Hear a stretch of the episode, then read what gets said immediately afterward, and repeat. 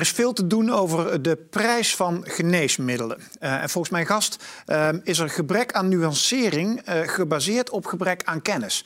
Tijd dus om eens in deze materie te duiken met mijn gast, Johan Renes. Johan, van harte welkom. Dankjewel. waar zit met name dat gebrek aan nuance en het gebrek aan kennis?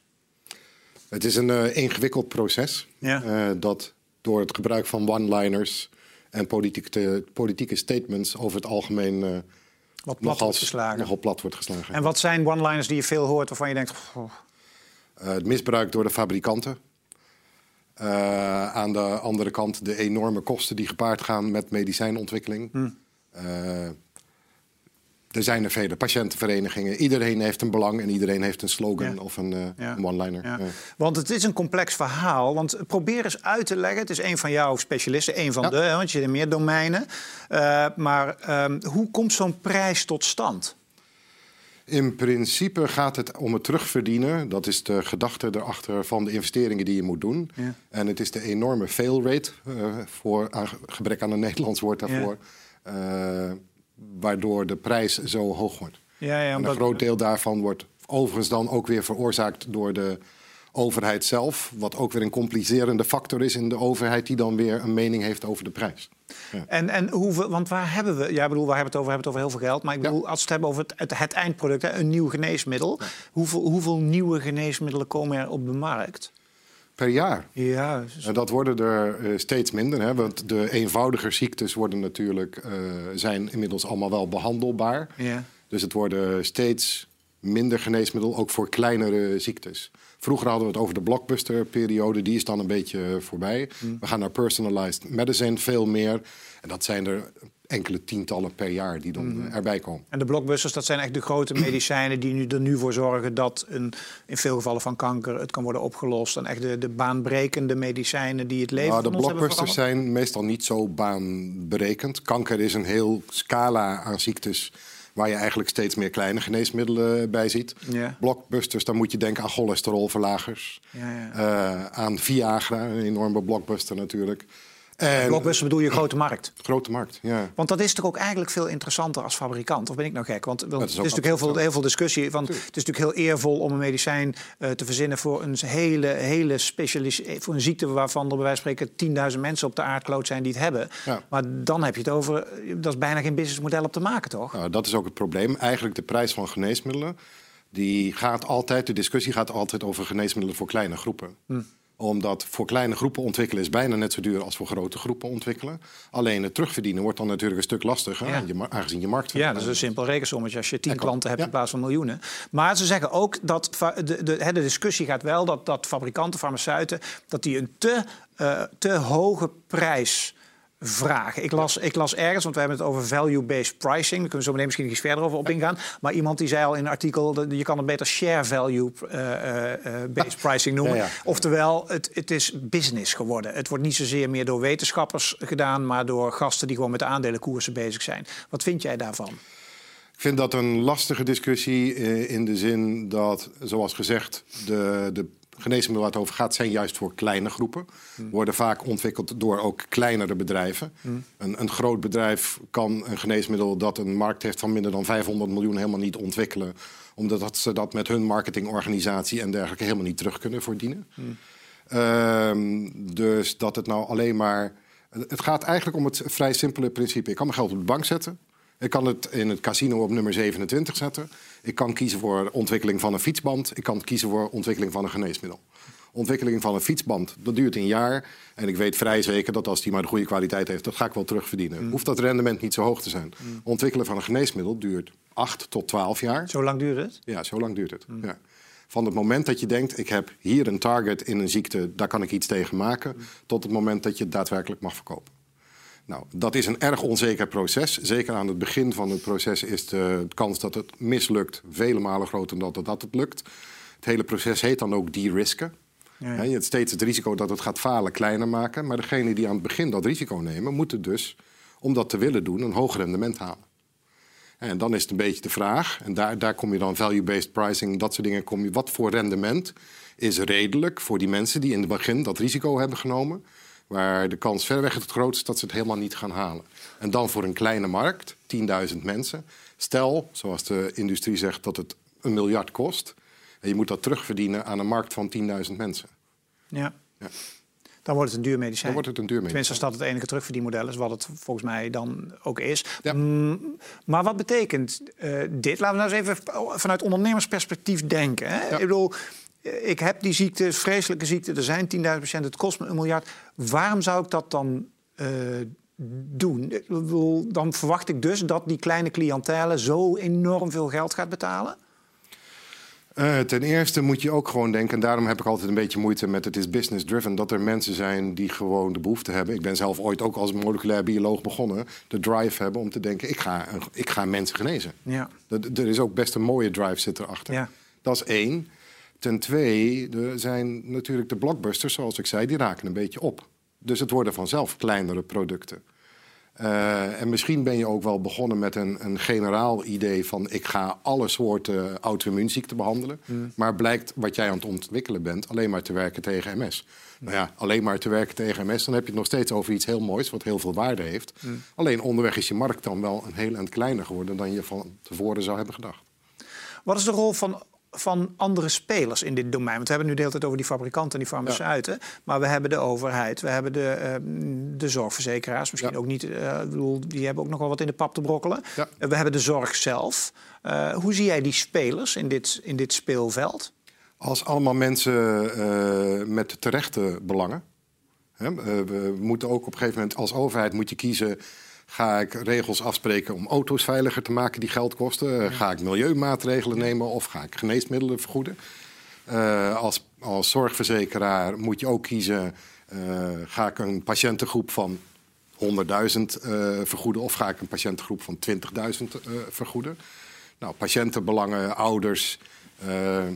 ik had ooit iemand die was tegen gentherapie en toen kwam er cystic fibrosis om de hoek bij een van zijn familieleden. Dat is een genetische ziekte dan verandert je wereldbeeld ineens helemaal. Dus het zijn ook gewoon allemaal mensen met hun eigen wereldbeeld. En dat is een van de redenen waarom ik hier zit. Dat is een beetje het verbreden van dat wereldbeeld. Er zijn vele manieren om hier naar te kijken.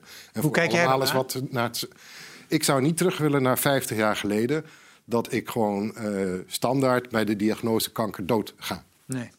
Dus, dus ook die, het model werkt in principe. Dus je bent pleitbezorger voor het feit dat er R&D-trajecten zijn... en dat er nieuwe medicatie wordt uitgevonden. Ja. Ja. Maar wie zou daar nu leidend in? Want het is ook een ethische discussie. Hè? Want, we, want in de research, want dan kunnen we het over de waarde van het leven uh, hebben, hè? want die is bepaald, toch? Ja, er wordt in verschillende samenlevingen anders over gedacht. Uh, Syrië ligt het op dit moment waarschijnlijk iets anders dan in Amerika. uh, in, in, onze business wordt gerekend met 6 miljoen tot 9 miljoen dollar of euro uh, per mensenleven. Ja. Dus dan is een levensjaar ergens rond de anderhalve ja, ton, denk ik, dat ze op uitkomen. Ja. Dus stel dat je een medicijn zou hebben wat het kan verlengen met een paar jaar, dan kan je zo rekenen. Ja, alleen maken we er dan een kwalie van. Dat heet een Quality Adjusted Life Year. Het moet natuurlijk ook een zekere kwaliteit van leven zijn. Oh, als, uh, als je een, een ja. slecht jaar is minder waard dan een goed jaar. Eh, zeggen ze ja. Maar dit is natuurlijk een hele moeilijke discussie. Want, wie, want als jij nou, er bestaat niets. Ja. Oké, er is geen industrie, we gaan het helemaal opnieuw vormgeven. Ja. En wij zeggen, je bent pleitbezorger, er moet, een, er moet altijd nieuwe medicatie komen. We, we, moeten eigenlijk alle ziektes die we hebben, moeten we kunnen uitroeien eigenlijk met geneesmiddelen. Stel dat dat de uitgangspunt is. Hoe zou jij het dan organiseren? Ik denk dat, uh, ik vind eigenlijk dat dat soort voorzieningen dan inderdaad door de gemeenschap gedragen zouden moeten worden. Maar ik denk dat dat te idealistisch is in de, in de huidige maatschappij. Hmm. Dus ik denk dat het toch gaat neerkomen op een min of meer marktmodel. Alleen we hebben middelen nodig, en eigenlijk zijn ze er ook wel, om de excessen uh, te bestrijden. En eigenlijk is onze hele samenleving zo opgebouwd. We hebben wetgeving om te zorgen dat we allemaal binnen zekere kaders eh, blijven. Hmm. En ik denk dat je dat met geneesmiddelontwikkeling ook zou moeten doen. Dus je moet inderdaad toch naar een beetje value-based uh, pricing. Uh, de waarde van een mensenleven vind ik, uh, vind ik een, een, een, moeilijke op zich. Maar ik kan me wel voorstellen dat je het hebt over, laten we MS maar weer nemen als een voorbeeld. Dat is een erg uh, debilitating disease, in goed Nederlands. Ja. als je daar kan zorgen dat iemand langer kan blijven functioneren, deel kan nemen aan de maatschappij, dan staat er een waarde tegenover. Nou, en dan kun je ook vaststellen dat een geneesmiddel dat daar een bijdrage aan levert ook iets mag kosten. En in dat model moet je dan ook gewoon meerekenen wat het heeft gekost aan investering om dat te doen. Misschien zou de overheid dan ook eens kunnen nadenken over wat voor eisen je moet stellen aan het goedkeuren van zo'n geneesmiddel. Hoeveel proeven en hoeveel dingen je daarvoor moet ondernemen. Wordt het te veel gereguleerd? Of te weinig? Ik denk niet dat je het te veel kunt uh, reguleren. Het moet natuurlijk heel strikt, het moet veilig zijn en het moet werken. Dus dat moet je wel goed toetsen. Ja. Maar de termijnen die daarmee uh, gepaard gaan... Uh, die mogen wat korter? Dat zou wat mij betreft wel wat korter mogen. Is dat bureaucratie? het is een, een belangrijk traject. Er zitten in principe liabilities aan als het niet goed gaat. dus dan wordt het vanzelf bureaucratie. Um, als we kijken naar de politiek in Nederland, hè, en uh, we hebben het, uh, het, het, het, het, Zorginstituut, ja. um, las ik, dat is een adviesinstituut, hè, die adviseert uh, onze minister Bruins. Ja. die roeren zich ook nogal als het gaat om de te hoge prijzen. Er zit ook wel een stukje symboolpolitiek in. Oh, ja? We hebben de discussie gehad over Orkambi. Ja. Dat gaat over niet heel veel patiënten. Dat is een Haagse apotheker toch die zei van... Uh, weet dan ga ik wat? het wel maken. Dan ga ik het wel maken, voor iets minder. ik kom uit het octrooirecht, dus daar zitten dan wel weer haken en ook ogen aan... of hij dat onder het octrooirecht wel of niet mag. Ja, voor zijn eigen patiënten mocht dat, het, mag je alles moeten maken. mogen. Ja. Hm. Ja. Maar voor de kijkers die de case niet kennen, is een, een duur medicijn. Ja, voor uh, inderdaad weer Thijs-lijmziekte. Uh, er is wat discussie over wat het bijdraagt uh, aan de kwaliteit van leven. Maar het, in de, het is symboolpolitiek in de zin dat als ik korting moet bedingen op een, medicijn van 120.000 euro, maar het is maar voor 1000 patiënten, of ik beding 10% korting op een, een geneesmiddel dat veel goedkoper is, maar voor een miljoen patiënten. Volgens mij is er dan meer te halen bij die miljoen. Mm. patiënten. Mm. En kan ik daaruit die Orkambi-patiënten wel financieren. Ja, ja, ja. Dus, dus het is ook een beetje van, moet je kijken, ze vragen 150.000 Aha, dus wat je eigenlijk zegt, even als ik het plat sluit... dat de overheid misschien wel een beetje het balletje neerlegt bij de fabrikanten... om ze in een wat kwaad daglicht te, te, te, Of kwaad, dat ze zeggen van eigenlijk zijn die gasten gewoon te duur. Klopt.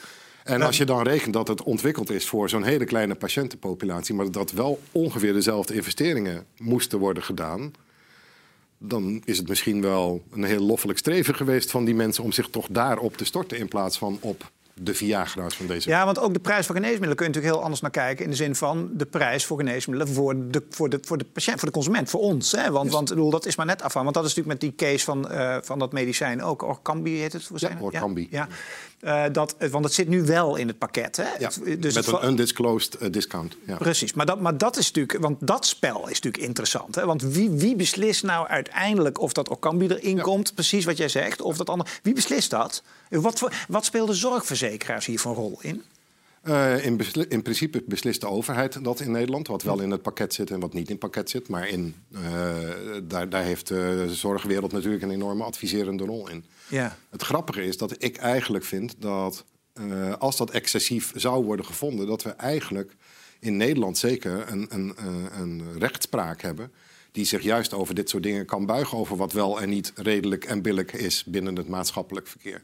Dus als je als overheid nou vindt dat een geneesmiddel veel te duur is, uh, dan heb je het middel om in principe voor algemeen belang een dwanglicentie uh, af te geven, zodat een derde het ook mag maken. Dat zou dan voor een andere prijs kunnen. Dat kun je als, nee, als land doen? Dat kun je als. Uh, ja, de, de, meeste octrooiwetgevingen bieden ruimte voor dwanglicenties. En een dwanglicentie is dat als de overheid zegt we moeten het medicijn hebben, maar het is te duur bij degene die het heeft ontwikkeld, dan laat ik het niet Of ze kunnen niet genoeg maken. Hè. Ja, een belang, uh, heel bekend voorbeeld is penicilline in de Tweede Wereldoorlog. Ja, ja. Ja, je kunt er niet genoeg maken of het is te duur of het is schaars. Nou, dan kun je een dwanglicentie. Maar dan ben je toch mooi in de aap gelogeerd. Dan heb jij je tien jaar lang uh, bij, heb jij je ziel en zaligheid in Orkambi gestopt. Hangt van de voorwaarden af. Welke een licentie geeft, uh, normaal gesproken geeft een licentie ook allerlei voorwaarden. Je mag dat niet gratis doen. Je moet aan degene die het bedacht heeft wel een vergoeding betalen in de vorm van royalties of milestone payments. Of... En daar zit natuurlijk de, de ruimte want als een dwanglicentie interessant wordt, wordt het voor de fabrikant die het bedacht heeft ook belangrijker om na te denken over voor welke prijs hij denkt het in de markt te gaan zetten. dan zit er een soort corrigerend mechanisme. Oké, maar dwanglicentie is niet dat het gewoon van appel en ei eh, wordt nagemaakt. Dus dan is de nee, dat lijkt ook niet redelijk. Hè? Dat zou een Nederlandse rechter ook niet uh, direct goed vinden. Wat is de impact, met alle respect, hè, van een land als Nederland? Want het is nogal een industrie. Hè? En dan, en dan, je hebt het over nieuwe medicatie en onderzoek en zo. Want R&D, het traject van tien jaar. En dan kun je niet wat de omzet van KWF is in Nederland. Maar als we kijken naar Nederland als land en, en op het vakgebied, hè, uh, betekenen wij dan iets? Uh, dat vind ik een moeilijk onderwerp. Uh, we zijn natuurlijk een heel klein land, uh, 17 miljoen inwoners.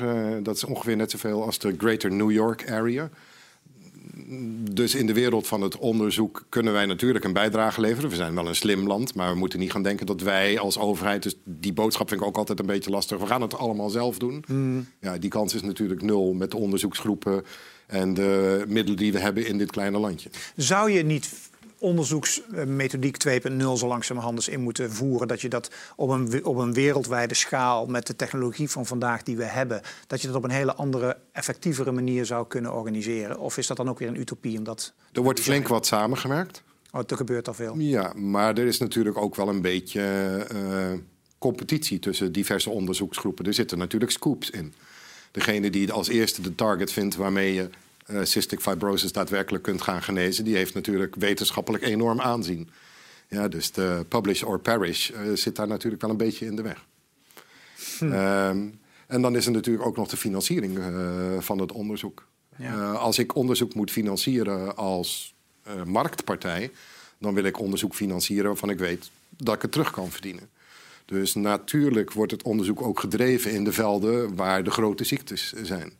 Dus als je dat soort dingen gaat laten bepalen, dan gaan juist de orphan diseases, de kleine ziektes, gaan het verliezen. Dat is toch altijd al een risico.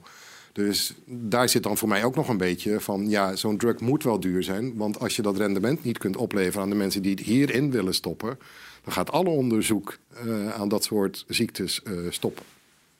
Is het gelijk verdeeld? Als we even een beetje filosofisch om af te sluiten. Hè? Ik bedoel, aan de ene kant, ja, het is maar heel, heel eenvoudig. Ik ben maar een eenvoudige presentator. Aan de ene kant gaan we bij wijze van spreken in Afrika vallen ze bij bosjes om omdat ze nog geen bananen hebben om te eten.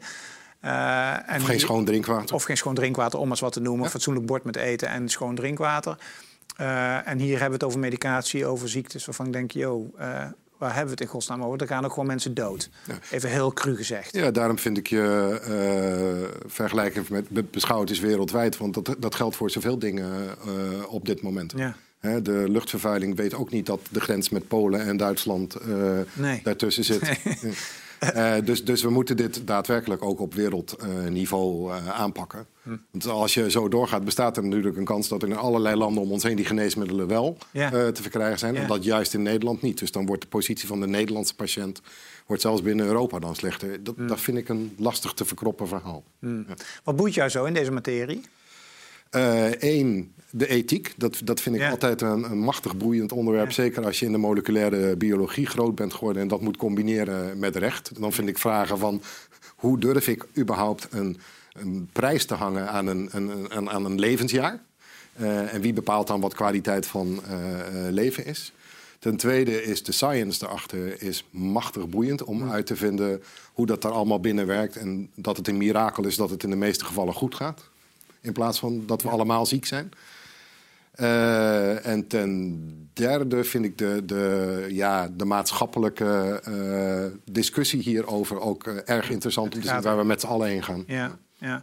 Je belangrijkste boodschap aan, aan de diverse partijen, wat zou die zijn als je kijkt naar de hele markt? Het gaat om mensenlevens. Ja.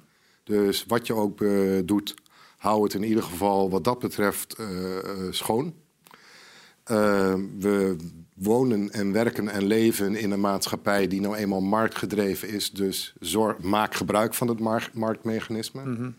En stel de grenzen aan uh, excessieve in de markt of whoever, zoals we dat altijd doen, door het gebruik te maken van de wetgeving. En zoek de nuances vooral in dit soort materie door je te verdiepen. Ja, graag. Mm -mm. Ja. Dankjewel voor dit gesprek. Dank jou wel. En dank je wel voor het kijken. Dag.